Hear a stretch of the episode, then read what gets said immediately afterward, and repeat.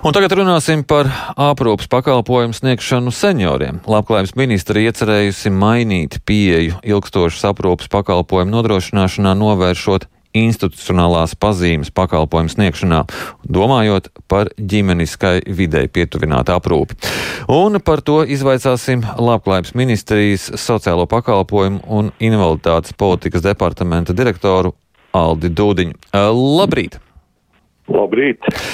Pāreja uz ģimeniskai videi pietuvinātu aprūpi. Tas šķiet nenotiks uzreiz pilnībā, bet pakāpeniski. Tātad, kas ir sagaidāms? Nu, ja mēs runājam tā ļoti īsos vārdos, tad sagaidāms ir tas, ka 18 pašvaldībās tiks uzcelt 71 ēka, kur varēs dzīvot 850 klienti, ar kā jau jūs teicāt, ar šo te ģimeniskās vides modeli, ar absolūti simtprocentīgu vidas pieejamību, pēc principa, ka viens cilvēks dzīvo vienā istabiņā, kur ir arī sanitārais mezgls, ar iespēju, ja, ja teiksim, piemēram pāris, tad arī varētu pārim būt šie divi cilvēki istabā. Tas ir viss veikts kā plānošana ar tādu aprēķinu. 71 ēka, bet uh, tas, uh, kad tas sāksies? Uh, ir tā, ka tas darbs jau ir īstenībā uzsācies, jo tie plāni ir paredzēti divos posmos. Pirmais posms, lai uh, samazinātu šīs izmaksas un sadārdzinājumus, ir tas, ka strād, tiks izveidots vienots tipveida projekts, kur būs, protams, iespējams modifikācijas atkarībā no tā, kādā, kādā vidē, kur un kāds reljefs un tā tālāk šīs te ēka atradīsies.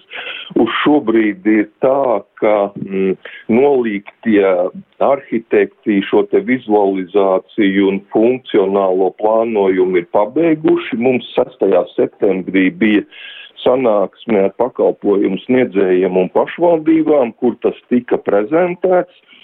Un pēc plāniem ir tā, ka novembra beigās ir jābūt arī visiem šiem te tehniskajiem risinājumiem gataviem. Un tad paralēli tiek strādāts arī pie dokumentiem un jāsaka arī tajā skaitā ministru kabineta noteikumiem, jo ir tā, ka lai arī it kā tā naudas summa ir liela, ap 65 miljoniem eiro. Nu, pēc aprēķiniem ir tā, ka tas, tas pietiks, ja 18 pašvaldībām, kur varēs šīs te ēkas izvietot un jaunos šos te pakalpojumu sniegšanas vietas uh, izveidot. Un līdz ar to tas tālākais darbs jau būs konkursa kārtībā.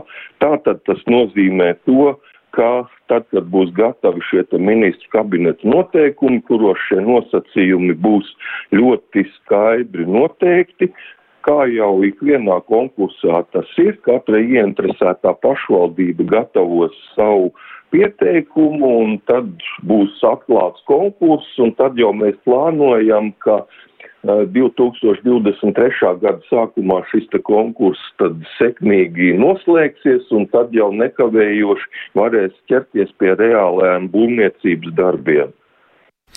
Bet kāpēc tikai 18 pašvaldībās?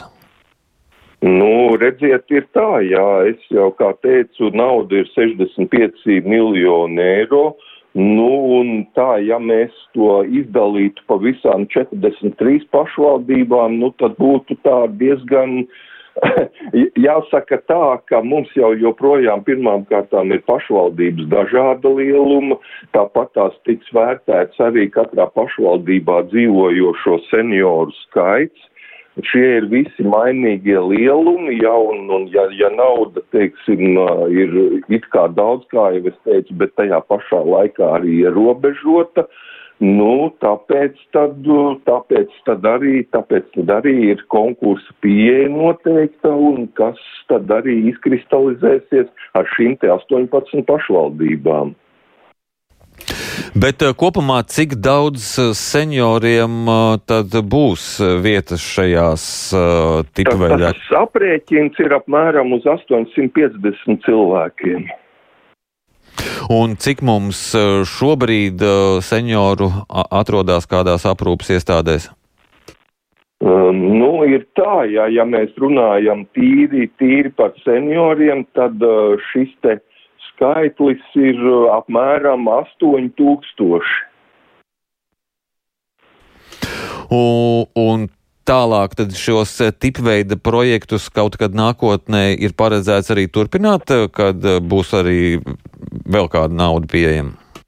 Nu, ja nauda būs pieejama un ja politiski tiks atzīta šī par augsta līmeņa prioritāte, tad noteikti, ja, jo atklāt sakot no valsts puses, ja šis te mm, atbalsts pakalpojumiem senioriem tā labi, labi sen jau nav noteikts. Tas ir zināmā mērā pirmām kārtām ar vispār ar aprūpas pakalpojumu organizācijas īpatnībām, uh, jo senioru aprūpe, kā zināms, tā ir atbilstīga likumam, tas ir pašvaldību pienākums. Bet, nu jā, šis, šī ir tā reize, kad mums tiešām izdevās pārliecināt to Eiropas komisiju, ka jautājums ir ļoti aktuāls, kā nauda ir nepieciešama Un, un, un tāpēc, jā, tas, tas tika atbalstīts arī no Briseles puses. Tā kā mēs ceram, ka būs labi rezultāti, un tad jau tas tālākās perspektīvas tad arī būs no tā atkarīgi. Bet tad kopumā tas būtu tas eh, modernais pansionātu projekts, uz ko eh, visām pašvaldībām eh, būtu jāvirzās.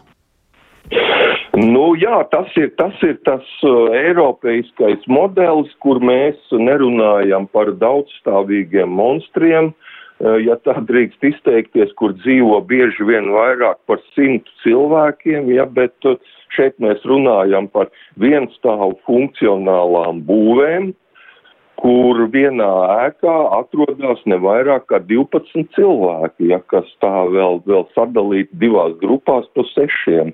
Ideāli jau, protams, ir, jo, jo, jo mazāk, jo labāk, bet, nu, ir jāskatās arī attiecīgi pret šīm te aprūpes uh, izmaksām un, un, un, un, un, jā, šis te ekonomiskā komponente pret uh, šo te neatkarīgās dzīves komponenti. Diemžēl ar šo te dilēmu mums ļoti bieži iznāk saskarties. Man jāsaka jums paldies par uh, šo sarunu. Atgādinu, ka mēs uh, sazinājāmies ar Labklājības ministrijas sociālo pakalpojumu un invaliditātes politikas departamentu direktoru Aldi Dūdiņu.